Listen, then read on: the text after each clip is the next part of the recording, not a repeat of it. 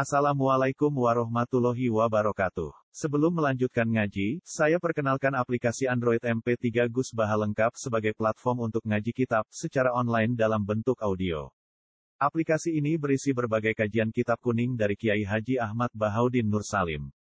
Silahkan download aplikasi MP3 Gus Baha lengkap di Google Play Store. Link download ada di deskripsi. Wassalamualaikum warahmatullahi wabarakatuh. Bismillahirrahmanirrahim. Mata kunta ida u'ti tabasa tokal atau wa ida mulai takoba tokal mansum. Fastadillah bidalika ala kubu di kubu liyatika wa adami sidkika fi kufu liyatika.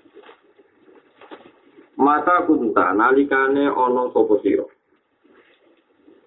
Kapan wae ono siro ida u'ti nalikane jengkai siro. Mata kunta nalikane ana sira ida uti nalikane den paringi sira basa to kawong pejibarno kang sira ala to peparing. Wa ida mune asalan nalikane den cegah sira. Koba do mongko ngeker ka ing sira alam anu pencegahan. Pasta sila moko gawe dari sira bidalika kelan mongko sifat Batulan kopi. Ifat tadila muka gawe dalil siro kita jika klan mengkono sifat bestulan kopi. Ala tubuh titufu liatik, ala tubuh titufu liatika. Ing atase tetepe sifat kekanak-kanakan siro, cili e siro. Wa ada misit kalan ora anane bener siro. Oleh merah bener di dia ing dalam kemaulah siro, di ubu dia ing dalam kemaulah siro. Terus uang lu nak dikai senang. Nah, dicegah sama keparing ya Allah rasanya. Disebut kopdu. Uang nak dikai senang, nak rasa dikai rasanya. Itu menunjukkan lah itu sifat kekanak-kanakan. Landik ne ora jujur minggu ne ngerasa hamdan Allah subhanahu wa ta'ala. Di masyur ya, tengok saya bilang yang tasawuf, mata atau tak ashadaka sirro wa mata mana aka ashadaka koh jadi hubungannya manusia ya Allah ini pun namun kali. Nak seneng nyifati Allah wabian Maksudnya lo Allah terus tidak berarti Allah wabian nak adik ini jaluk rasi pari nunjuk no nak manusia itu lemah. Ya. Nganak no karpe yora itu umpama jaluk iramti sebagian Intinya wong niat takorup tenan Allah, jika iya Allah ya dadi takorup, mergo nyekseni ati Allah. Nak dicegah saka peparingi Allah ya dadi takorup, mergo nyekseni lemah awake piyam. Ya. Ini napa mata atoka asyhadaka sirah wa mata mana aka asyhadaka kohra. Terus dari ini inti takorup ila Allah, itu dia kemauan Allah. Nak kue duwe ya wae ku bukti diparingi Allah. Nak kue ra duwe kepengen apa ora keturutan yo kue seneng nunjukno nak kue lemah. Ngerasa lemah itu jadi alat takorup ngerasa seneng mergo syukur gitu jadi alat apa takor dan nak nanti kue ngalami wali aneh iku nak tiga isu menang tapi sekali rajika itu terus susah bergolak macam-macam Berarti ku wata awi cek cilik lan kue urung kemawulo Allah subhanahu wa ta'ala. Kita ini seperti nanti kita laku di kohanua hingga masalah syaru nabo. Jadi wata awi cek kaya wong kafir nah. Jika isu menang, naras jika isu. Padahal sing nentokno maslahate ngekeki ora namung Allah subhanahu wa ta'ala. Terus lagi. Ida wako amin kadal Ida wa ko analikane tumiba mingkal sangi sira apa zambun apa dosa. Ida wa ko analikane tumiba mingkal sangi sira apa zambun apa dosa. Fala yakun mongko ora ana apa zambun. Fala yakun mongko jono apa zambun. Ojo ana apa zambun sababan dadi sebab liya si kamaring putus asa sira. Liya si kamaring putus asa sira. Min husulil istiqomati sangi hasil istiqomah. Min husulil istiqomah di sangi hasil istiqomah ma'aruf jika sertane pangeran sira. Ida wa pa analikane tumiba minta sangi sira apa zambun apa dosa. Fala yakul mongko aja sampe ana apa dambun iku sababan dadi sebab liya kita maring putus asa sira. Ya putus asa min husul istiqomah di sang hasil istiqomah, hasil ibadah atau istiqomah. Ma'aruf kita serta pangeran sira. Papa jakunu mongko terkadang ana apa dari kamu kalau mongko dambun. Dosa iku kadang-kadang ana iku akhir dambun, iku akhir dosa. Akhir dambun iku akhir dosa. Kutiro kan den tekiro dambun. Kudiro kan sing tekiro kodam pun ali kain atas itu. Di gue nak ngelakoni dosa atau lagi dosa gue rasa putus asa masalah ibadah. Jadi misalnya kita kira berdosa, apa ibadah ibadah rasa putus asa. Iso wae dosa akhir dari dosa. Terus nyata nih, kalau warai karane para pangeran. hidup itu oleh ulama-ulama yang para pangeran dihitung per hari. Nanti tambah para dihitung per menit, tambah para dihitung per detik. Artinya setiap saat, misalnya gue esok bermaksiat, setiap saat itu segala perilaku kita adalah akhir. Ya. Setiap saat itu ada kemungkinan segala perilaku kita itu yang paling nampak terakhir. Kadang wong tobat itu lucu, ruang tenan. Misalnya wong duwe maksiat senengane delok wong itu. So, duwe maksiat senengane bodoni wong. Orang soleh itu digodongin. Wah aku seraba kali to ngilangi maksiat iki jadi hobiku. Wah apa jadi nopo? Tapi ini goblokin misalnya wong semania wong itu. Maksiat itu gak iso lepas ke dulu wong itu. Padahal dia misalnya seneng dulu wong itu. Aku seraba kali to ninggalo dosa dulu wong itu. Atau ora iso dosa ngene. Misalnya Senin dia ini maksiat. Dia ini ketika pubernya masih, umurnya masih, ngirane kan misalnya umur telung puluh tahun, nyongkone paling aku mariku nih umur switra. Berarti dia kan gawe loncatan umur telung puluh nanti nopo switra. Paham ya? Lalu cek goblok ya. Warga aku itu sebenarnya itu mari kau yang itu nak sahabatku silang, itu umur hitung puluh. Cek goblok ya gawe loncatan umur telung puluh nanti kita miskin. Iso wae bermaksiat dina Senin jam 8. Iso wae kok pas dekne istighfar, misalnya terus Gusti kula amel maksiat ae. Nah pas gue istighfar gue yakin bisa saja tadi dosa terakhir. Lah nah dosa terakhir berarti kita pas istighfar terus mati. Ya itu dosa terakhir berarti terakhir istighfar. Jadi artinya apa? Orang itu disuruh ngitung hidup itu per detik per menit. Jika kamu punya optimis ketika melakukan kebaikan, misalnya bermaksiat istighfar, isowai iki dosa terakhirku pas aku mati pas aku istighfar dengan teori ini misalnya ke dosa lah ya wedi jangan-jangan ini dosa yang terakhir gue nutup nyawa aku aku pas aku istighfar terus mati aku paham ya meskipun ngoniku ya orang beruang ya tapi harus dilatih Nah, kalau tak cerita, kita hati sohkai Mu'ad bin Jabal. Ada tiga sahabat termasuk Mu'ad. Setiap soal Nabi, Nabi itu gawa. bahwa ini wonten malaikat sing ngiupi ya khosyat bil malaikat sing ngiupi sahabat-sahabat. Ketika ditanya ya Ros ditanya Rasulullah kowe ku dia amalan apa? Kok nganti aku ngerti malaikat ngawal kowe terus? Dan aku dikandani pangeran besok ben niku mau sak jengkal makom mbek para nabi. Misteri ini muat bahwa saya tidak punya amal banyak sholat, banyak puasa. Tapi fawawah la aktu khutwatan illa wa azunnu alla aktu wa. Wala alki muluk matan illa wa azunnu an la asiwa. Kulo niku kanjeng Nabi buat nate melangkah tak langkah. Kecuali saya tidak pernah yakin apa bisa melangkah berikutnya. Karena per detik dari hidup saya, per jengkal dari hidup saya, gantung yang rahmati Allah. Jadi aku nak melaku, melangkah jebret, buatan yakin iso ngelangkah menang. Ke setiap saat sakit mawon dibuntut nyawa pulau, sakit mawon ora iso mampu melangkah malih. Akhirnya betapa ta'aluke piyambake kalian rahmate.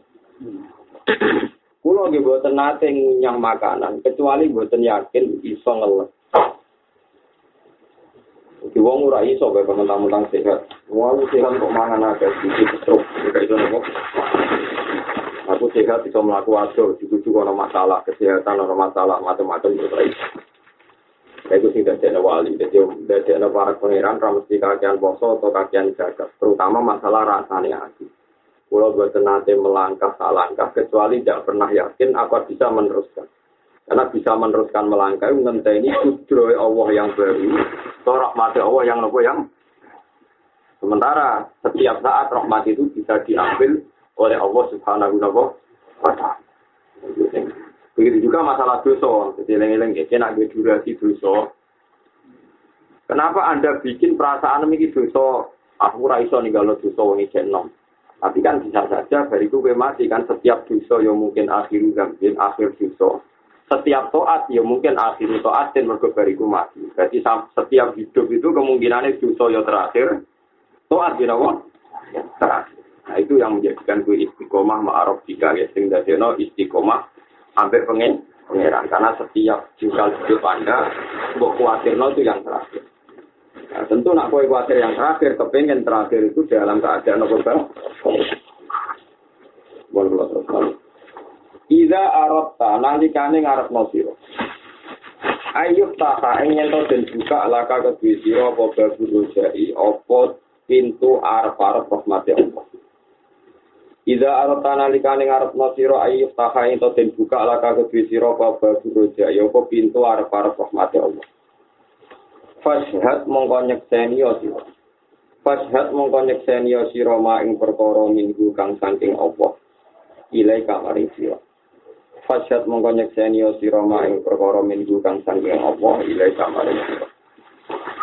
Wa idza arata lan alikane ngarepno sira ayub taha ing ten buka laka kedhe sira apa babil khaufi.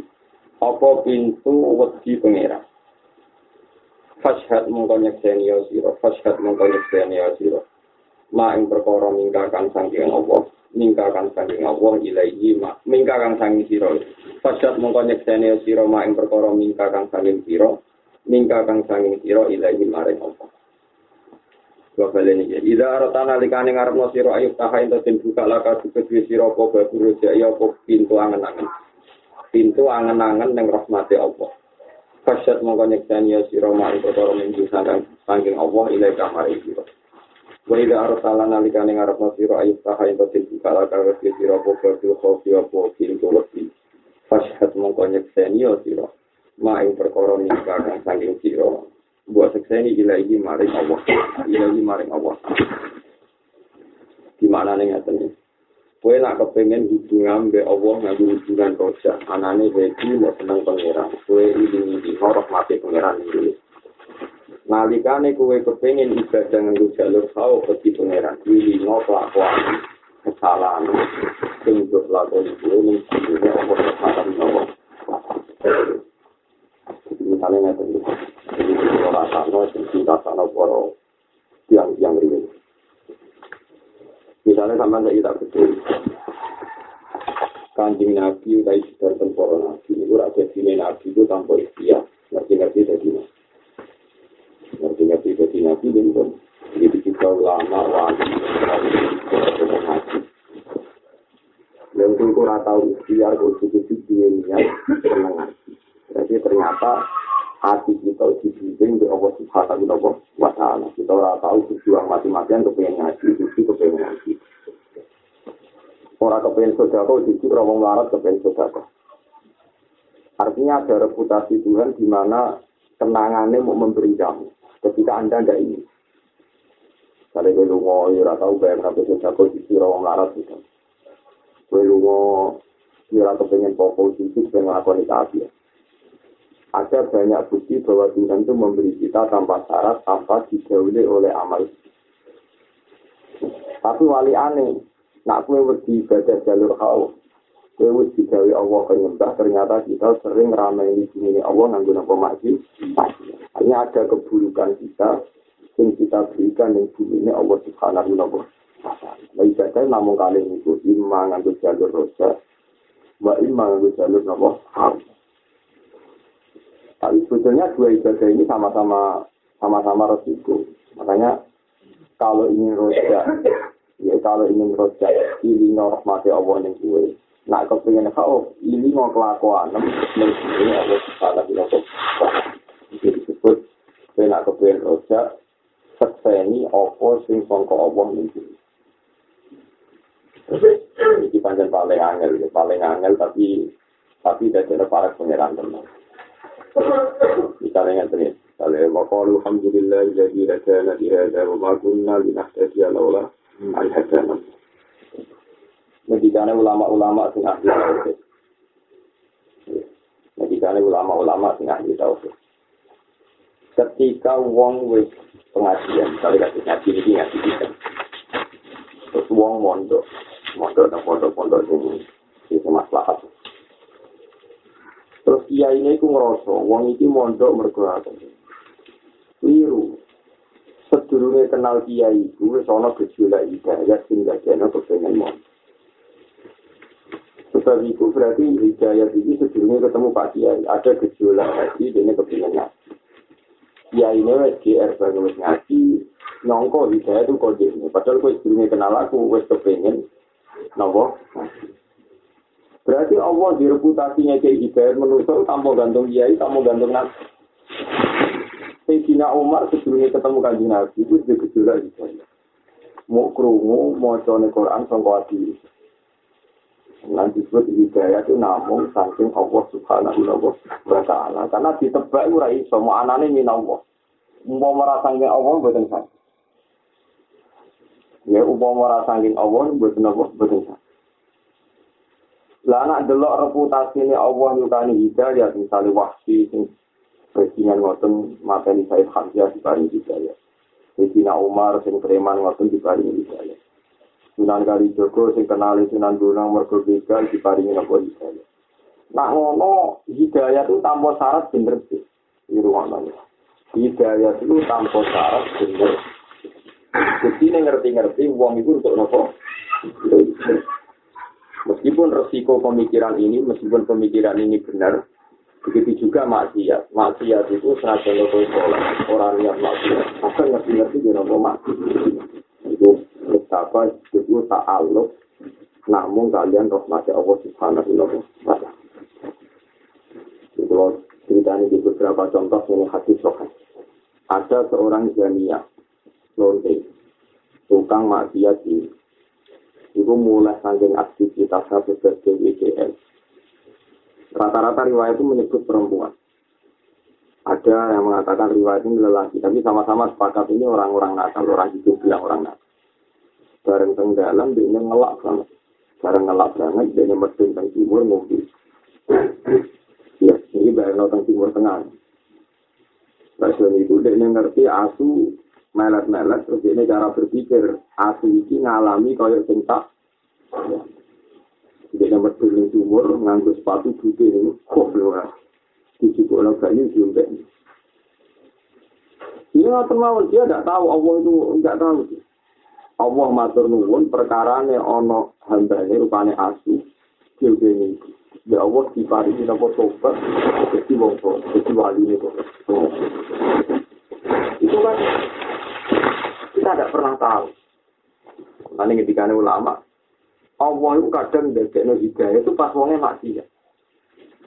Pas kue itu kadang no sesat, itu mau pas maksiat kadang untuk hidayah. Pas toat malah wong no ujuk, no nopo som. Ya wis podo raro. Wonten cerita malih sing masyhur ini dunia ilmu solawat. Ada seorang ulama mimpi ketemu Rasulullah, Rasulullah matur, Dong aku salamku kayak no iki di kampung ini. Ternyata yang ada di kampung itu hanya seorang majusi. Sing saking gendone iku anake kandungan tidak gitu. Ku majusi rojo juga anaknya. Wong ora ora pengira, rasional. Jadi eta rumah bareng kok tidak wong liya kok goblok aku. Jadi tidak video. Ya rasional lah delirane. Nah, tiap HP malam pertama itu ada seorang janda sepuh moro rono. Betul plek. Betul plek. Tiap diparani tiang majlis ini mulai. Engkau akan kecilok rono mana. Hingga si majlis tadi terganggu. Malam pertama ini terganggu. Walhasil tiga kejadian ini biasanya majlis ini ngejar cawe itu. Mau sebut. Dari dikejar di dalam. Ditakoi. Bangke yang nopo jenengan umur-umur tinggal pulau. Aku nak eling anak kula niku kelaparan, kula kepengin jalur jenengan. Tapi nak eling jenengan majusi kula seorang muslimah, betul situ ya. Tapi agar dugi dalam anak kula nangis kepengin apa? Akhirnya umat di sini pun bah jangan tahu beri mawon terus didukung makanan. Padahal dia seorang kaya raya. Diteror dia, didukung makanan, diteror dia dibantu. Ya itu terjadi na Allah syukur. Eling-eling wata nawa usha kiron alima. Allah zat yang paling gampang matur nuwun. Jadi Allah pengiran lagi zat yang disifati paling gampang nopo matur. Ini sifatnya Allah nopo asyakur nopo asyakur sing gampang matur. Jika ada makanan diterus, saat itu juga dia untuk diterus. Terus dia rapi ngumpuli anak, terus jadi orang. Si wali tadi wisu erono soan, ketika dijawab majusi sampai wali itu jangan, mosok Rasulullah salam ya. Titip salam waktu ngomong nopo. Ini wis ngomong mamang ngomong mamang. Akhirnya nak si wali tadi matur, kulo niku kan nyampe no salam ing jenengan jenengan ini gak ngamal nopo ya umat sisi mau cerita asyhadu anna rasulullah ka rasulullah aku nyeksa ini nak rasulullah muhammad rasul benar sing tak lakoni di dunia ora ana wong roh kecuali aku be wong iki. Kok nabi murah berarti nabi mu nabi tenang. Nabi mu nabi apa? Jadi ini lagi itu ora tau ora hidayah sing pas ape ngeloni anak. Ana ngalami kejadian sing dadekno dekne entuk napa begitu juga cerita-cerita yang lain. Misalnya Sahara atau Fir'aun dekne itu disewa Fir'aun kon ngalah no Musa. Disewa dibayar kon ngalah no Musa. Paham ya? Bareng wis perang tanding di Musa dekne duwe watak sopan. Itu ketika mau perang tanding yang tentu dia disuruh ngelajar Musa malah imma antum iya wa imma annaku nanahnul mulk. Monggo jenengan sing mulai riyen napa kula Fir'aun sempat kaget Wong kok tukaran kok malah napa sopan Akhirnya baru kayak di roh Nabi Musa kepengen sopan dadekno Allah mari napa Lha wong ning pertandingan sing didesain maksiat dan dia sendiri niatnya napa maksiat. Nglawan Nabi ra maksiat gede, bukan maksiat. Malah dadekno dene untuk napa? Nanti sampai nak lagi maksiat. Ojo kok terus nganggep pintu hidayah ditutup. Tapi wali itu nak lagi to atau coba songkok itu segala galanya Iso wae to atem bu dipenuhi untuk sifat wujud sampai nopo tatap. Paham itu? Eleng-eleng. Ini ilmu hati itu terus. Misalnya gue senang sodako duit muatan. Kadang pas kita sodako nyongkok mungkin ada kayak duit agak mangan. Berarti terima sodako wae dadekno kowe ngrasa dadi pangeran. Padahal umpama ramu sedekah iki kabeh wong ya tetep untuk jatah rezeki sange Allah Subhanahu. Itu paling repot. Jadi ketika kadang pas doa dadekno sombong. Ada ulama-ulama hati mengikan maksiat sing dadekno ati tunduk ning Allah. Iku luwih apik tinimbang taat sing dadekno napa sombong. Ini anak tenang. Nanti kita aku sudah teman-teman, mari sombong. Paham? Mungkin itu nyata. Sama orang percaya jajal. Sampai jajal toat seminggu. Bukan sampai itu ya seminggu mau. Gue nanti mau foto, nak ini tarikit. Seminggu mau. Nanti aku kamu akan melihat orang biasa ini yang layak melayani kamu. Seminggu ya rasa sih. Pemenang setahun. Mana kalau di kiai rapati senang dilayani tiang. Misalnya kamu suwengi sholat tahajud, tinggal poso. Seminggu mau. Nanti kamu terus merasa orang lain itu sing perlu melayani gue. Noto ngombe, noto sandal. Alasan gue ngerasa luwe soleh. Itu ngerasa luwe nopo? Kan lucu kan, soleh anda kamu didikasikan, kamu muni lillahi ta'ala. Tapi ngerti-ngerti kalau perasaan, aku ora pantes melayani wong liya, pantes wong liya selain. Artinya toat ini kan menjadikan ada ujub kan? Gara-gara kita toat seminggu, nganggep wong liya perlu melayani gue, itu perlu. Gila Kemudian atau atom setahun, uang kono to bukan pura gelem, uang orang hormat uang poso.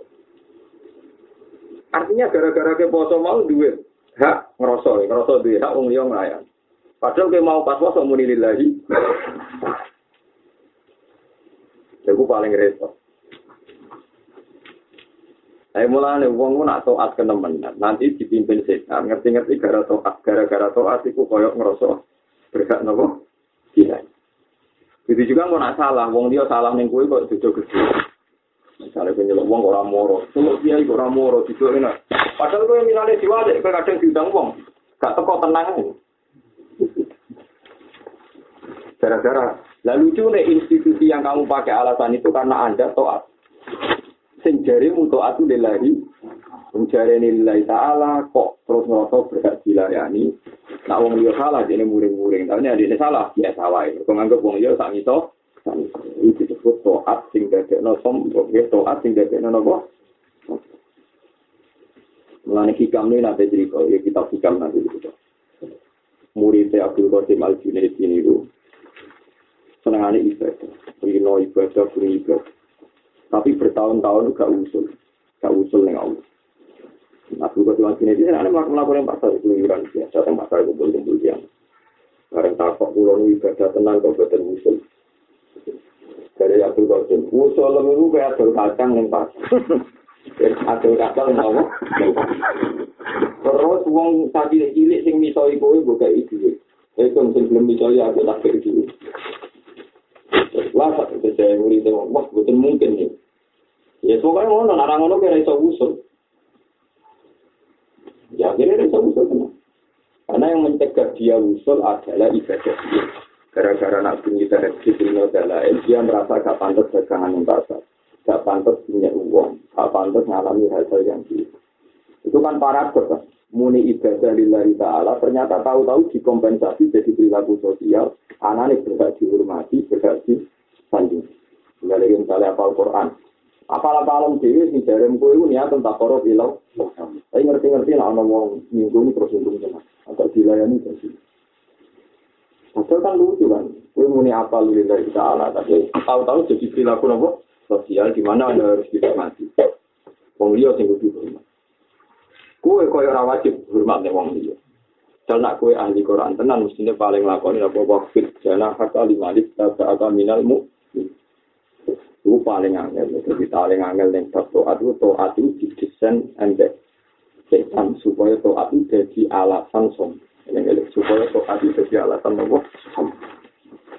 Karena penyakit itu toat itu ujub, ya penyakit itu toat itu apa ujub. Wali-wali ini maksud tenang. Kuat wali, ini marah, kuat. Saking kesini ngelawan nopo ujub. Biasa, ujub ini mesti teko piyambak. Ini ujub niku teko napa?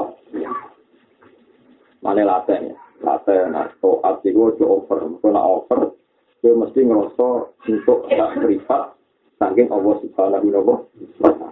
Itu bahaya. Wong ora muni taat lillahi taala kok jadi ning Rubama apa data terkadang maidai sopo Rubama apa terkadang maidai ka ing sira Filai lil qabdi ing dalam bengine kobet bengi kang iku adoh sanging rahmat. Kobet niku manane adoh sanging pepare Filai lil qabdi rubama afada terkadang maidai ka ing sira. Filai lil qabdi ing dalem bengi adoh sanging pepare Kobet niku manane wong sing lagi kok pepare apa ma perkara lam tas tabit kang ora ngalap faedah sira ing ma?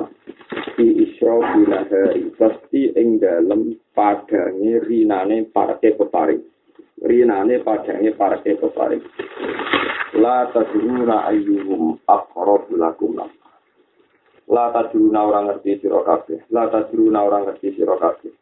Ayyuhum te dine wong akeh wa aqrab luwe parak lakum kedue sira kabeh apane naf'an apane manfaat la tadruna orang ngerti sira kabeh ayung tebine wong akeh akro budul wis parek lagu ngerti sira kabeh apane naf'an manfaat jadi kadang pokoknya yang istilah tasawuf ya nak kobdu niku adoh sanging rahmat nak batun niku nembe jungkar sanging nopo? Ketika ini ketika ini hikam kadang kue itu diparingi ibadah lebih dekat Allah pas lailil kobdu pas adoh sanging rahmat mergo dadekno tadarruk dadekno sopan ning Allah Subhanahu wa taala sing ora iso mbok dapatkan saat akhir rahmat di saat akhir rahmat dari kadang tiang tapi itu iso iki kabeh Wes kok kamu dijanji wong urip ora jelas kabeh. Tak bisa nak ngeneng kowe kabeh malah enak. Dadekno kowe ape nyaman di Allah Subhanahu wa taala. Mulane dari ini hikam, nak makhluk lagi rasa seneng gue. Iku pecut songko pangeran dan gue gak nyaman dek makhluk. Tapi kau nyaman namung ambil Allah subhanahu wa ta'ala. Jadi gue syukur ya, namung tak bisa keting gue, gue syukur. Alhamdulillah, kalau dipaksa Tuhan untuk mau asik jagungan ke Allah. Jagungan ke menurut orang yang nom, nompo. Paham? Ini mau termawar, urip itu kayak gampang mau. Tapi nak lagi tonton-tonton seneng, antuk mawon mati Allah digilar ning bumi. Wong ora kang bumi kok anggere wong nopo. Padha api. Cuma lailil qabdi niku luweh dadekno tadarruk ning Allah subhanahu wa taala. Kuwi ora tenan, jadi digilar, urip itu terjadi. Kalau piyambak, nak misalnya di karep, terus anak pulau, bojo pulau, bawa liya, tidak sesuai rencana. Itu seneng. seneng kula karena itu ndadekno nek aku ora iso ngendhalekno diri. Terus nek ora iso ngendhalekno dunya bukti kita namung kawula nek Allah Subhanahu wa. Jadi kadang lagi itu yang rasa kawula nak sering duwe karep ora kesampe ora kesampe. Jadi Lalu pokoknya nak ngaji hikam, jadi kabeh sing jadi tekdir menungso itu ini jadi alat takor. Ini kudunya alat apa? Misalnya ke loro, keping sihat, orang sihat, sihat. Oke, saya kurang pengiran tenan ke mari orang itu. Itu ya tak. Tapi ketika aku kasil ke mari, terus syukur ya tak. Jadi disebut lailil kopi ya kudu tak korup. Nah, hari pasti ya kudu berdekno apa? Nah, ini kena urip diutang, kabeh tak kabul kajate, sanggup bae ini gitu, kini kita korup pulau. Nopo-nopo kok boten kesampe, kesampe. Wes semua teman, ora tau kabut jero-jero semua. Mataliul Anwar al-Qulub wal Asrar. Mataliul Anwar utawi nggon metune, nggon terbite pira-pira nur. Nggon terbite pira-pira nur iku al-Qulub pira-pira ati wal asraru lan pira-pira rahasianya. Awal sangka terbite nur iku manggone sangka ati.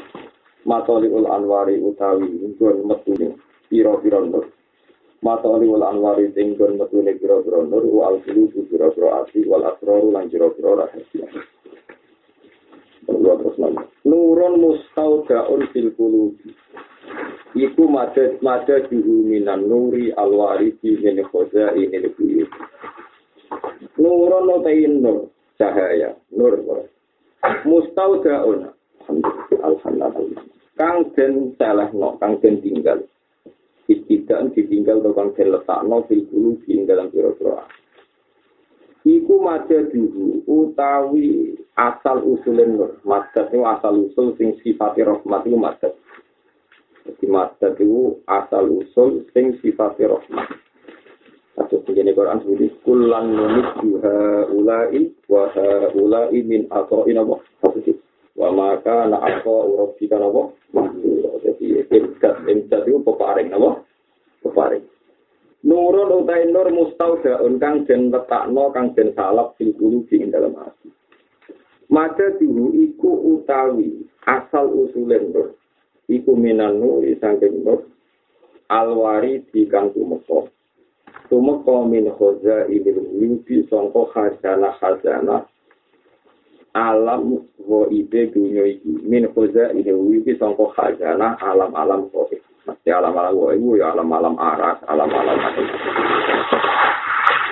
Nurun utai nur mustaudaun kang den salano fil qulubi ing dalam ati iku majadi iku utawi asal iku iku minan nuri sang nur alwari kang tumeka min khoza wibi saking pira-pira khazanah alam dinur sing tumeka ning ati. Jadi gue ibadah kok nganti duwe nur. Mesti nur itu berasal sangka khazanah Allah ning alam gaib. Mesti alam gaib mriki boten bahasa Indonesia alam gaib alam setan jin boten alam gaib alam sing boten bisa alam sing boten apa musyrik. Kalau tak cerita sih, kalau nu nerjemah Quran, paling susah nak nerjemah barang gaib. Barang gaib nak bahasa Indonesia itu artinya apa? jin Padahal goib ning Quran itu maknanya apa? Ini kok kaya alam langit, swarga neraka alladzina yu'minuna apa? Jadi mulai itu tak. Kurang ajar kan bahasa Indonesia. Oh iso ngerti-ngerti gak gaib itu artinya jin, setan, demit. Padahal gaib ning bahasa Quran itu maknanya loh, yang tidak di indra, lah itu tidak kasar mata ini, tidak kasar mata. Kayak suarga rokok. Nah, ini rumah Allah tenang. Uang nak ibadah nanggun nur, itu mesti nyaman. Dan nur itu mesti kolanya far. Di contohnya nyata yuk, ini sing keluar asal. Bawah ini urusan ibadah roh. Saya sebagai manusia dia wedi mati suul khotimah. Wah, saya tak rewangi ini nanti beli aku dengan ahli neraka. Buat aku misalnya wes sholat, wes alim, wes macam-macam dibeli dengan aku ahli neraka. Wah, rugi. Terus iya, jadi ahli neraka itu. Mesti nur itu teko. Aku jadi ahli neraka itu mesti. Tapi nak muni Allah Akbar itu barang mesti. Kalau ya carane carane takor sila. Misalnya sampean sholat Allah Akbar. Allah Maha Besar. Itu nyata. Coba nol ini itu nopo. Nyatanya adalah buktinya Allah gawe langit ini. Berarti Allah Akbar. Kue wujud terus diwujud nanti Allah Akbar. Wes kabeh bukti Allah waktu. Iku sing luwih jelas. Nah kemudian Anda mikir diri Anda, engkau nang oleh sholat rasi tompo Allah. Engkau nang aku tak rewangi ini tetap ahli neraka. Nanti kamu akan punya hitung-hitungan nur. Aku ahli neraka ra Allah. Wong iku ra mesti. Wong mau mesti iku yo ora iso batal status Allah Akbar. Lah nek iso batal lo berarti ke pas punya Allah Akbar kudu tak nyaman-nyaman wong umpama ke ahli neraka pun Allah Akbar tidak akan menjadi batal. Pancen hakikate Allah. Mana Jibril nanti dinya kalian ada seorang ahli neraka. Dia di neraka ratusan tahun. Mbak Allah diutus Jibril. Aku krungu kaulaku wiridan ya hanan ya manan fi qari jahannam. Ning gone telengin neraka. Jae parani. Bareng Jibril, Jibril takok. Ya bulan. Kowe wis dilebok nang neraka kok iki wiridan ya hanan. Ya Jadi pemuda itu Ya Jibril itu kok aneh. Wahalil hanan wal manan illallah. Masa aku pun neraka zat yang paling hanan, paling sayang, paling parah gak tetep pengen. Wahalil hanan wal manan illallah. Sing zat sing iso peparing rahmat. Sing sifate welas asih ramu Allah. Akhirnya Jibril matur Gusti. Yang niku aneh. Kulo tangkleti dia malah jawab, lah ya Jibril, Jibril. Zat yang paling peparing mau Allah. Kok malah kok takok no. Sebab lo aku apa wiri wiridan. Sampai Allah itu ya Jibril kandani wong impon wiridan yang suar. Tak warai, kenain rokok, pengen randok rapati suwe pasti. Itu artinya apa? Dan cerita hadis itu saya baca di Mustad Ahmad. Itu yang menginspirasi saya tidak takut suhu khotimah, tidak takut masuk neraka. Masuk neraka kan kue mesti. Umpama yo lah iku iso batal barang sing jelek rupane Allahu Akbar. Ya iku jenenge Jenenge apa? Anda cara memandang Tuhan sudah dengan tidak kamu kaitkan dengan diri Anda yang profan tidak jelas. Tapi setan seringane ngoten niku. Wes gue rewangi ngono nang beli keto mau beli ada arjin rokok.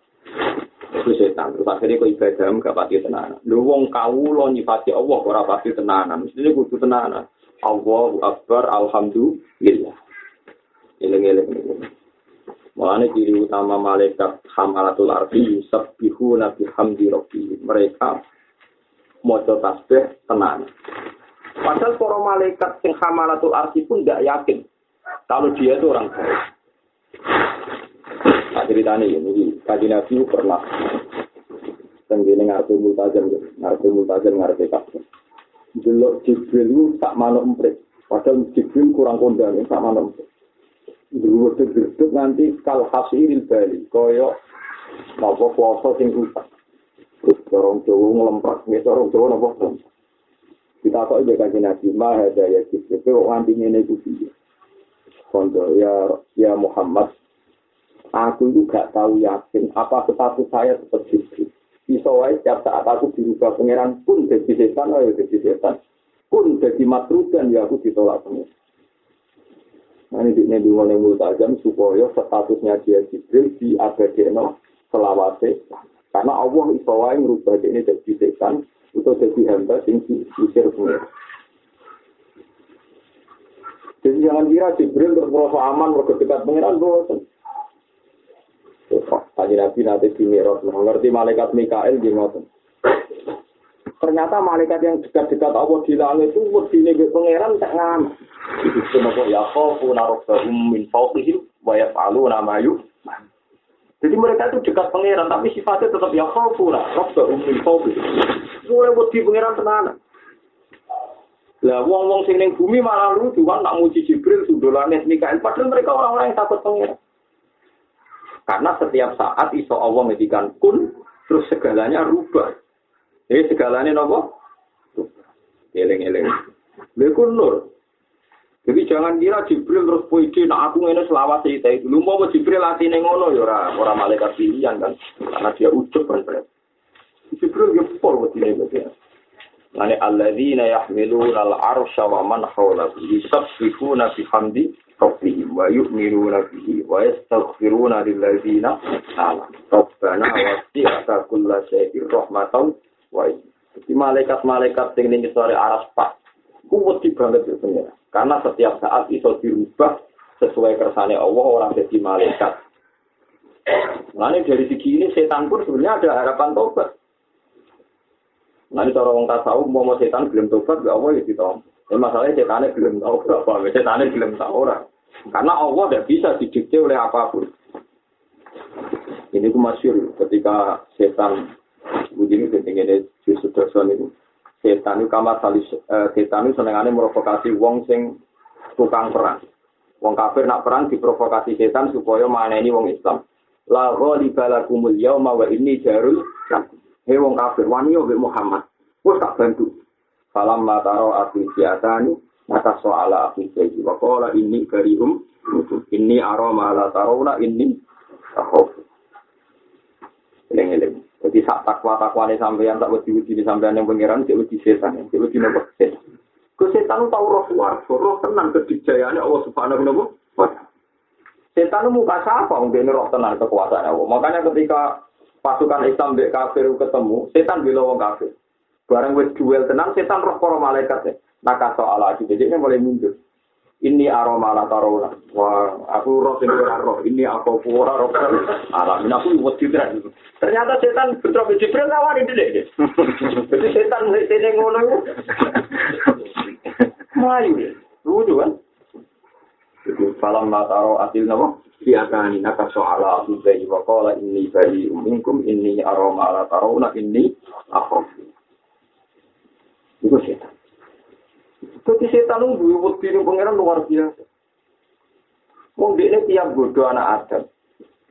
Bodoh anak Adam terus anak Adam ini maksiat. Dia ucap nangis. Bejo kue maksiat, tapi nak istighfar terus bisa disebut. Lah anak anak Adam terus sujud bejo kue. Pokoknya sujud pangeran gelem nak aku lagi. Makanya ratusan tahun, mungkin ribuan tahun setan itu kepengen tuh. Mengenai Mas Suri, kalau nanti kita bolak-balik cerita, setan itu berkali-kali minta Nabi Adam, Nabi Ibrahim supaya mediasi setan. Ini ditompo tobatnya ya Allah. Ya Ibrahim, anta khalilur rahman. Berilah aku kesempatan tobat. Matur yang pangeran, jenengan udah kasih ya pangeran. Dari Ibrahim aku rawani. Wah, aku nabi mengirawani. Ke setan itu masir, berduda itu nopo mes. Tapi melete yang ngono itu Akhirnya Nabi Musa. Setan. Nabi Musa itu masyur, Nabi Kalimullah. Musa itu secara pentingnya wani matur pangeran. Dari Musa yo, aku tak matur. Jadi dari sama Nabi Musa gak simpati benar setan. Barang Allah mah, napa Nabi Musa matur Gusti kula nu diparani setan bolak-balik nyuwun supados piyambake dipihak napa tobat. Nah, pengiran yo mbok piye hitungane kowe ora hasil yo ora apa-apa. Aku setan tak kira tobat, syaratnya itu. Dia sujud ning kuburane Adam. Nggo ngaparo ini di sira belum sujud ning Adam. Saiki dia sujud ning kuburane Semuanya Nabi Musa. Artinya ada solusi kan? Ada apa solusi? Ketemu setan. Studi ya kalimah Allah. Dawe pangeran. Kue kon sujud ning kuburane Nabi Adam. Oh setan ketok asli Aas di rumah ikan waktu taat di hayam. Pengiran lu piye tuh? Zaman itu urang kan mau sujud mulai mati. Dasar setan. Terus akhirnya bisa kecewa, dasar setan. Aas di rumah ikan waktu taat di zaman urip ya kon sujud gak gelem, mana saya ingin mati ning kuburan, malah harusnya. Akhirnya nakalnya yang nanti saya Tapi setan mesti pengiran, jangan kira setan. Kami kalau saya kama kali setan itu sekolah di insani fur falam maka faro kala ini dari minta ini aku wa rabbal Di setan wong paling wedi pengiran. Jadi menurut pengiran. Tapi tetap gak nurut. Tapi wedi. Karena apa kok wedi? Karena dia tahu betul tidak mungkin melawan Tuhan itu tidak mungkin. Melawan Tuhan itu tidak mungkin. Jadi setan wedi pengiran tetap tetap masih ya aneh kayak gue ya aneh tenang. Wedi pengiran tetap nopo. Paham ya lengi-lengi. Jadi kena jual nur sini ngaji. Kamu akan menyepelekan barang-barang khawatir. Gue mlebu neraka ora iku makhluk. Nate pemsoben suul khotimah, itu khotimah, yo makhluk orang bentuk. Tapi status Allah Akbar itu jelas dan tidak diragukan. Sebab itu gue ngendikan Allah Akbar berarti ngendikan sesuatu yang sangat apa jelas. Sebab itu jangan kotori, jangan ragu oleh hal-hal yang sifatnya pribadi mikir nasib fungsi. Dan aku ibadah ngono itu berarti kewe nur. Duwe nopo? Tapi nak ibadah mbok tak lek ambil barang sing sifatnya makhluk. Kalau nyaman ibadah Gusti nak mbok jamin bu swarga. Nak boten mbok jamin di kula ibadah ra nyaman. Lah Allah takok, lha apa kowe nak mlebu neraka terus aku ora pangeran? Ya tetep pangeran. Lah nak tetep pangeran lagi mbok sembah to orang, ya tetep wajib Gusti. Ya wis kena rokok ae tapi tetep nyembah aku ya kan. Karena sesuai aturan nak kowe kawula iki pengen Tapi nak kowe nak lekno jenengan tak arani pangeran Gusti nak ngono kula swarga. Kali boten nggih. ora arani pangeran. Lah sing garane aku ora pangeran ning neraka. Lah neraka kan piye? Paham ya, makanya ibadah sampai Allah itu buat takluk, no? Buat taklek, buat gantung, no? Biar nasib pun biambak, biam, biambak, ya. Aku nak ibadah, wis orang nak lek, no? Ini jenis ibadah, dengan jenur, ya, ibadah jenis apa? Nurun yuksafu laka bihi an agari, wa nurun yuksafu laka bihi an asari. nurun utawi nur yuksaku kang iso kabuka laka kedhi sira di sebab nur iso kabukaan asari sang sira-sira asar asare apa wa nurun lan nur yuksaku kang kabuka. Laka kedhi sira di nur an auto di saking sira-sira asare apa masalah-masalah apa istilah ini masalah-masalah ilmu usul. Ana nur sing dadekno kowe buka sapa ana nur sing dadekno kowe paham sifat ya Allah Ngeten maksudnya Nur itu satu ibarat cahaya sing dadekno sampean kenal pangeran. Ketika Sayyidina Ali lauku sifal khoto mastet tu yakina. Umpama aku muka syafa sok alam akhirat, iku yakin juga tambah ning Allah Subhanahu wa taala. Ini-ini, kalau nu apal persis lah pakai lauku si falgoto, masjid itu nopo yakin. Umpama sok ben langit bumi akhirat wis dibuka, iku imanku be Allah rasa. Terus ditinali imanku be Allah betul nopo. Karena iman be Allah itu sepakat. Misalnya ngerti. Jibril yang alam langit. Ketono ana Sidratul Muntaha, Fahusyah ma husyam. Alam Sidratul muntah. itu kan luar biasa. ini disebut apa Sumadana Fatadalla Fatana Baka Qawsa ini apa? Awat. ini disebut alam langit itu sebuah Fahusyah sama husyam. Terus gak kebaik. Terus aku ning alam bumi. Ning alam bumi itu Sokur, ruben sapi wedhus ulo, tebu, macam-macam. Dan misalnya terus wong bukan kayak malaikat jibril. Wah kondang aku, alam langit itu kondang penuh dengan jabar jat, yakut, penuh macam-macam. Terus takokanku kan mesti ngene, Jibril. Lah iya misale ngene ku nunjuk nopo? Yo nunjuk nopo kekuasaane Allah, gawe jabar jat gawe aku. Karena sing ora yo apa? Tak ora yo mulai cacing, ulos, nyamuk macam-macam. Iku yo nunjuk nopo kekuasaane Allah. Sama kan? Sama kan? Sama. Tuhan perlu difinali nak pas mulai itu. Wah boleh. Imanku mau iman itu berbeda. Kok sakit? Apa doa ini dengan alam kono yang saya kekuatan ya. Allah nih gini kuat. Darah apa doa? Itu tidak tidak ada oleh masyur orang mulai itu kalau ini difinali. Wah aku udah cukup doa lagi. Imanku ya tambah. Donasi nasi ya tambah. Itu anak berdoa. Ning ndi wae nunjukno kekuasaane Allah. Lain masyur lau ku sifal roto masat keyakinan. Aku ada di sono Arab, di sono Citra Tumut apa doa di sini kedijayaane. Kalau tertanam tenang, maka lagi sinali. Ya gara-gara mau mau bayang no. Ketika malaikat Jibril rawuh ning bumi, ini kan yo plesir. Masya Allah, Jibril dunia itu langit tok, tapi ono bumi. Ono kucing, ono wedhus, macam-macam. Mungkin Jibril juga waduh pengalaman baru kan. Tapi misalnya wali diangkat ning langit terus dia kerja, waduh pengalaman apa? Eh, Artinya mungkin bagi Jibril datang ke bumi juga wisata kan, wisata religius ya. Kita datang ke langit. Lah, engkau naik cocokan Jibril bodoh. Terus kesimpulannya Jibril.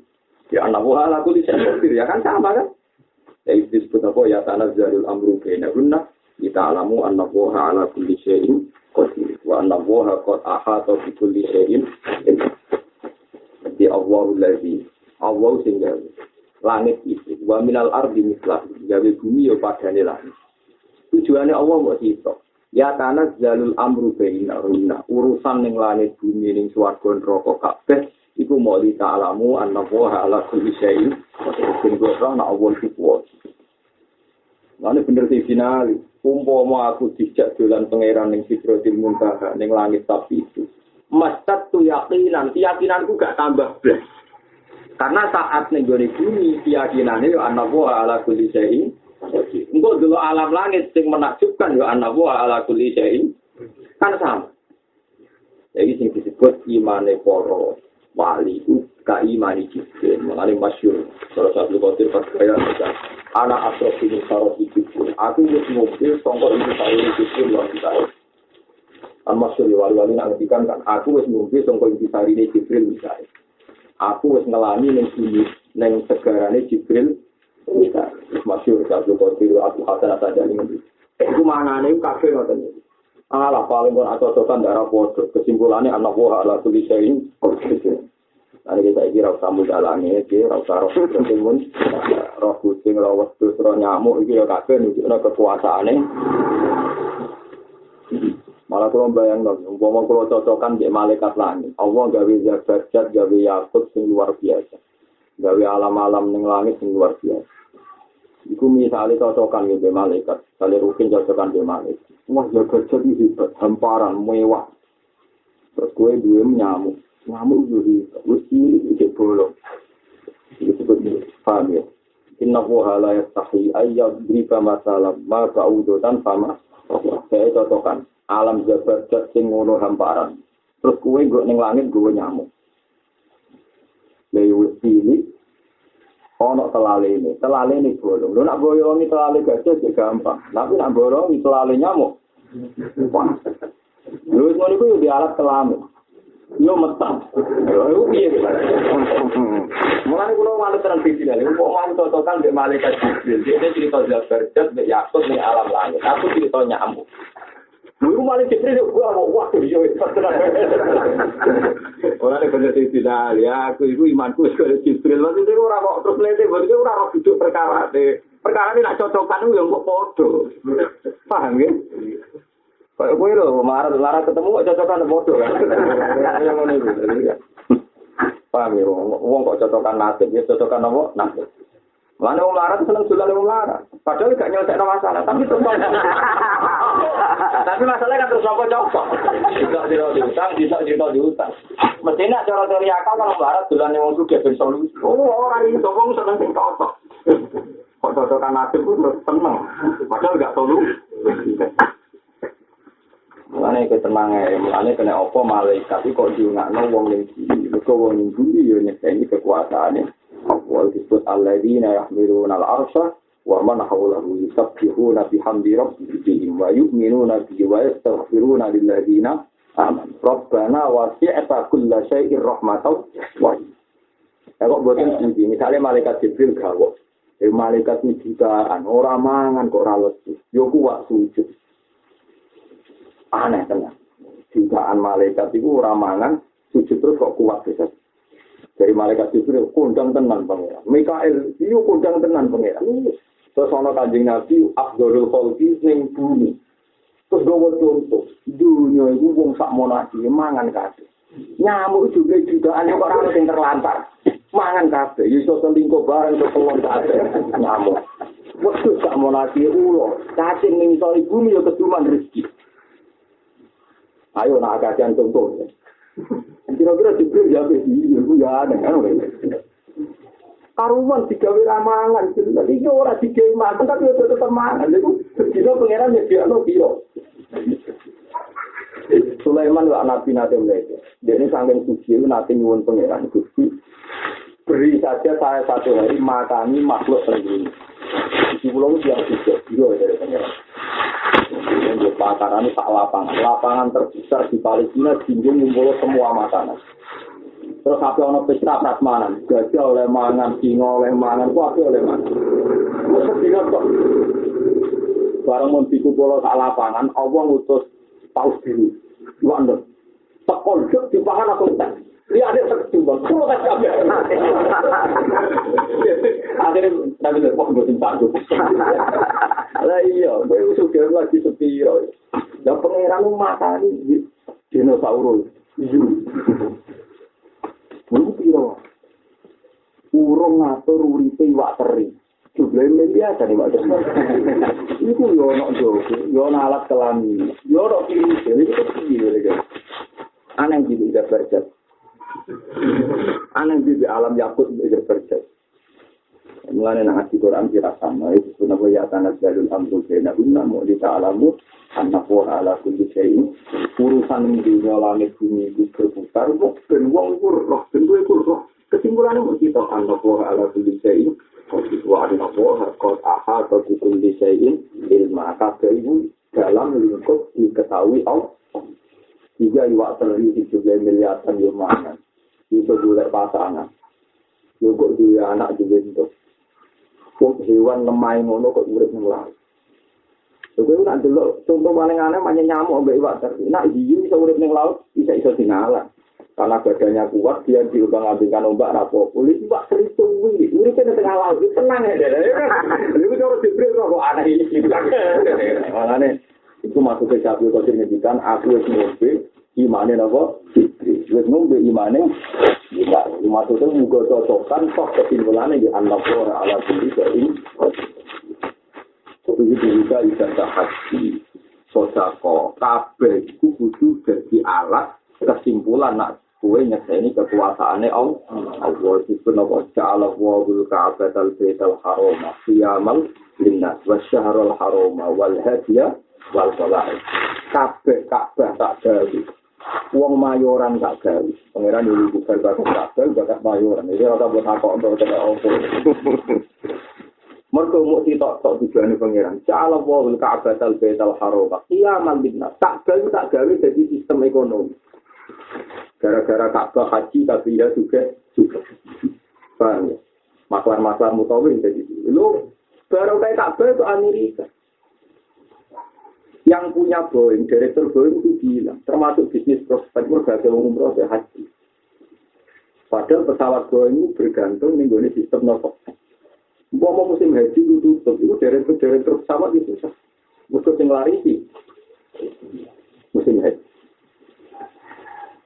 Qiyamal linnas wa syahrul haram wal hadi wal qala itu jono bu. Jadi ta'lamu anna wa ya'lamu ma fis samawati wa ma Yo kok ben kowe ku roh nek Allah ku sing pirsa. Ning aturane langit tebek nopo bumi. Lha wong kabeh mesti gawe kotak. Gak menarik bisa kotak wirang ya ngoten kok. Iku muli yang mau. Tapi wong sak dunia ini jadi sistem ekonomi kiamat. lokasi itu di situ, sistem haji ini Mekah itu di situ. Pada ngadaan duit lah, menggoda imani wong-wong, kira ada kasus itu gara-gara, paham ya? Dari itu mau Ka'bah, itu aneh. Iya, nak wong wedo ayu, dari no perputaran wong meruno, kok nih gon sek nonton Kan wajar, wajar dong wong wedo ayu, wong do tertarik. Keruno, akhirnya jadi sistem ekonomi. Iki orang mau patu kota. Mana aku tanya? tak kok gawe elek hikmah opo to ora tak pikir itu kok penane nek padang pasir iki bisa napa lho nggih to kaya wisata ning Italia ning Vatikan menarik kan sungainya bersih wong wedo e utuh-utuh Kalau wong tertarik rono kan anak normal itu. kabeh ora kotak, wong e coba digo terus waduh tapi wong tertarik lha iku pangeran akhir sama. Oh, jadi malah malah malah aneh kan. Ya wong gak jadi ibadah ngono kok wong. Tapi wong aku kotak, dikemudi kok terus. Lha iku nunjukno nek Allah iku kuwasa. Paham eling-eling gawe sisine yo lau kusi falghasa tuh nabo yaqul. Mana kalau nunggu buatan kepengen, waktu-waktu tentang langit buat kepengen. Kita angan-angan, umpama jengben kalau nak kenal Jibril kita ada cocokkan. Ada di ini dicontoh zat bacar, ada dicontoh nyamuk. Kau di ini dicontoh jangkut, aku dicontoh ikan anak poter. Oh, mau doain, cocokkan. Dan itu tidak gawe gawe. Kau jauh nopo abu Wahalayak, tapi ayat riba masalam ma baudutan sama. Kabeh ulama dawuh pama pokoke maknane langsak dhuwure nyamuk efisirot. sing luwih cilik dibang nyamuk. Iwa nyamuk luwih cilik, tidak meteng. Nah, terus anak itu malah kebiro. Anak cilik ya di organ tubuh. So Ora bayangno, sarape manungsa wis cilik, nak sarape nyamuk. Lah iya, malaikat ning langit yo wiridan Allah ala kulli syai'in qadir. Kita ning bumi iki wiridan Allah ala kulli syai'in Iku nur, nah wis ngono iku kowe duwe nur. Lah nur sing ning bumi iki tetep maca dulu minan nur alwaris min khazainil kul. Tapi padha mek nur-nur sing teng alam napa lah. Nak makom wis ngene iki, paham ya nak makom. Tapi nak makom koyo bahaim koyo kewan yo repot. Permangan gegek. Kowe nak permangan kowe nak gitu. Terus barang permangan enak. Nah, tempat terus musuh, terus anggap tunggu. Ya, sing ure malaikat bingung. Nah, udah mau tok kewan iso bermalan anggap. Utangi turu mangan meneh. Kok mau kamu aku kesel turu meneh. Nah, ngono malaikat gak gawe iki opo? Maksudnya piye udah ngono Ngapa ngomane Allah gak seneng sing ngapa ngomong maksudnya ora sampe opo ning dunya iki. Mane ngendikan Nabi atas tau bina syaiton. Angabu sangka? Setan. Nah, urip nang ngono mangan parah ya. Kuwi ngono. Itu tangi mana gue kocok jagungan. Sewu itu barang jelas-jelas cerita khayalnya ngelamune. Ini duit agak no enak dulu, itu duit agak no enak cocokan. Dari malaikat itu maksudnya video. Tapi bisa nak gue neng bumi terus berita Allah Akbar Subhanallah Alhamdulillah. Malaikat itu tidak janggal karena lapat ini yang dipakai juga neng alam. Jadi malaikat ternyata sama yang dilapatkan. ternyata apa? Sama. Tapi nak gue boleh duit itu penting dari malaikat. Apa malaikat itu nggak kenal bahasa duit apa? Bingung kan malaikat? Apa maksudnya? Tapi nanti muni Allah Akbar, malaikat paham kan? Karena lapat ini yang dipakai di alam. Tapi mulanya aku pengen malaikat memahami anda, pakailah kalimat-kalimat yang sama-sama dipakai para nopo malaikat. Itu terus kemudian malaikat itu akan menemani anda. Nahnu awliya hukum fil hayati dunya wa fil akhir. malaikat-malaikat itu sebenarnya aku mati disambut Allah takhofu wala kok jadi para malaikat nahnu awliya hukum fil hayati dunya wa fil aku itu kancam cek zaman ning dunia cek zaman itu bening alamat kenapa jaga konco karena lafaz yang kita pakai ya lafaz yang dikenal malaikat cara berpikir yang kita pakai ya cara berpikir yang dipakai malaikat itu bodoh-bodoh nyimbolno anak buah ala tulisnya ini Mengenai dimaksud ini, innal ladina qalu rabbuna wa summa taqom itu takana jalu alaihimul malaikatu alla takhafu wa la Malaikat melok nyambung. Lah kok konco. Nah tapi kan nang bumi ini kan. Jadi kan ngomong sama orang. Ini kajian. Jadi Pak aku malah sertifikat tangan. Lu malaikat itu mau di bawah Ora paham plan. Malaikat ora ono sertifikat ora. Sertifikat ora. Tapi nak kowe salat apa akbar subhanallah dari malaikat ini kawan kami. Karena dengan lapat yang Mengenai gue betul nanti kasih ada BPK. Kuasa Tapi yang biasa, ya biasa. Itu ya rahmati pengiran. Itu rahmati. Tapi pastikan malaikat itu tidak kenal istilah ini. itu saja. Kalau bukan pastikan mereka tidak kenal. Kalau BPKB, ono utang, ono duit itu penting. Gue mau duit penting pengen biro jajal. Mulai urip nganti mati. Tak cara gue dicatat. Kowe muni subhanallah mbek dhuwit ku penting akeh.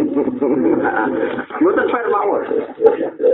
Lu malaikat kan janggal wong ning bumi ne Allah oleh muni dhuwit penting mbek muni subhanallah yo. Dhuwit ku penting kan ora ono dhuwit ku sumpah. Kowe ngomong ngono ben piro. Rumah kamu rapi dicatet.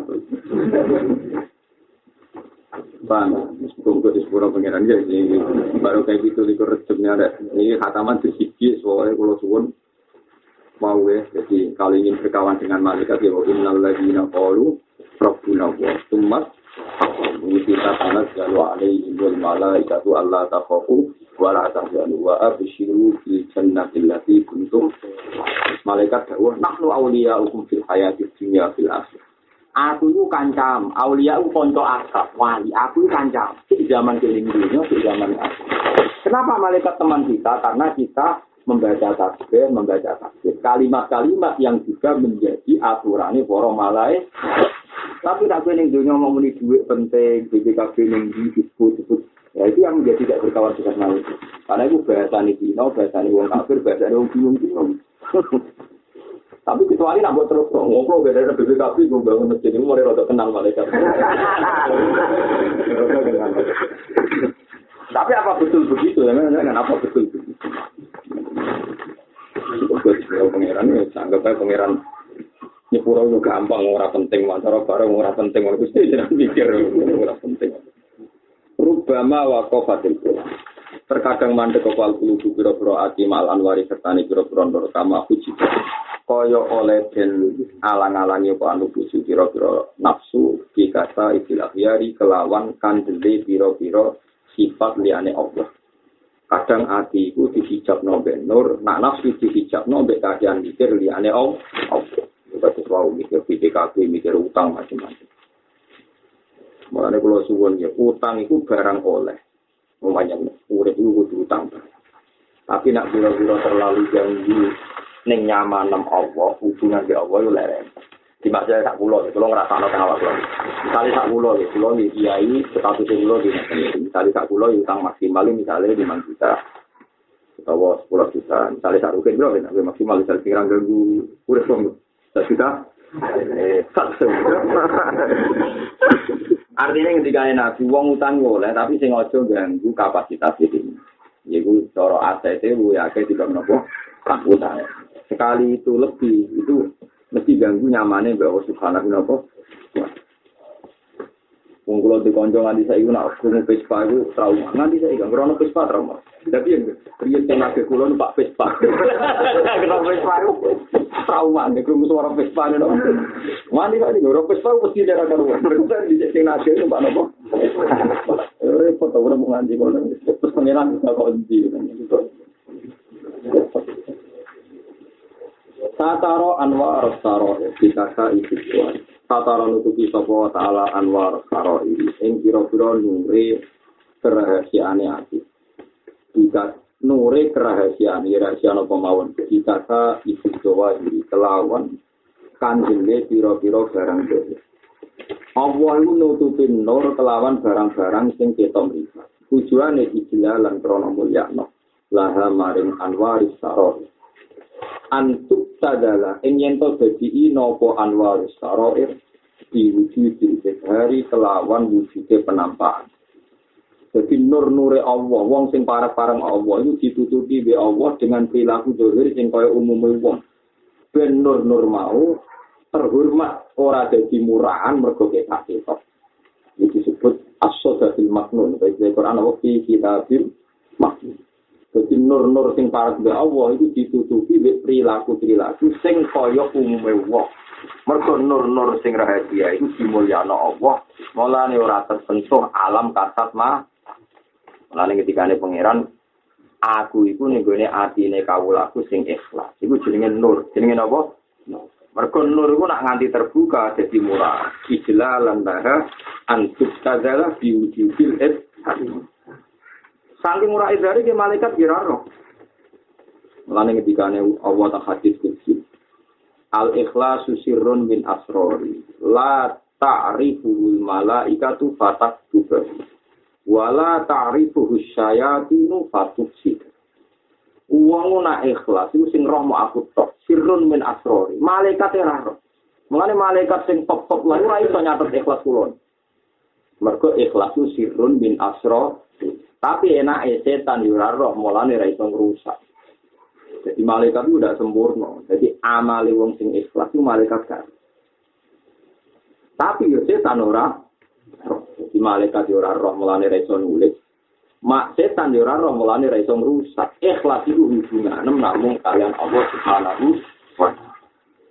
Ya, nak kue ikhlas tenan kok ben langsung swarga dhewe pangeran disebut innal muttaqina fi jannatin wa nahar fi maq'adi sidqin inda malikim muqtadir. Jadi wong sing sampeyan ikhlas itu swargane langsung pikir pangeran. Mergo zaman ning dunya ibadah kabeh mung kanggo Allah Subhanahu wa taala. Paham ya? Nah, iku ngono-ngono iku gak pangeran ditutupi. Wong-wong sing ikhlas sawane ning dunya kok umume wong. Kalau kan ada gitu, ngomong ikhlas yang kumpul tiang itu apa? Jenenge Uwais Al Korni. Ini penggayanya tentang bahasa.